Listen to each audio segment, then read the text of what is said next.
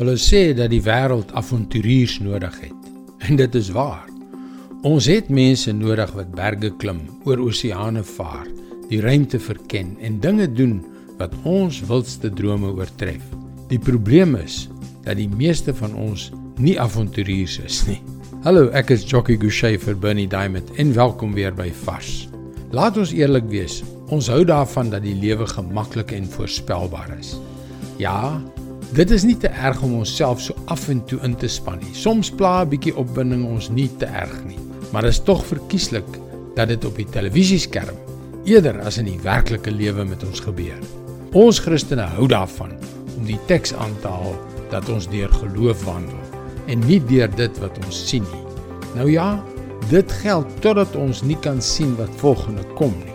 Tot dinge 'n bietjie te opwindend raak, tot die lewe ons angstig maak dan smag ons na veiligheid en sekuriteit. Die apostel Paulus en sy volgelinge is vervolg, geslaan, uit die stad gejaag, hulle het skibreek gelei en tog het hy die volgende uit daardie verskriklike situasies van lyding geskryf in 2 Korintiërs 5 vers 6 tot 8.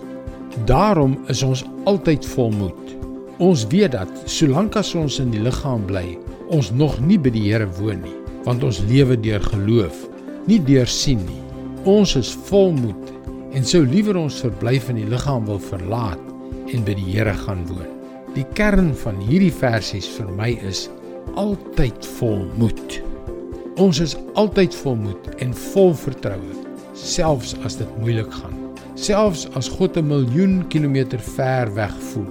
Selfs wanneer want ons lewe deur geloof, nie deur dit wat ons sien nie. Ja, ek weet. Ons gaan baie uitdagende situasies beleef.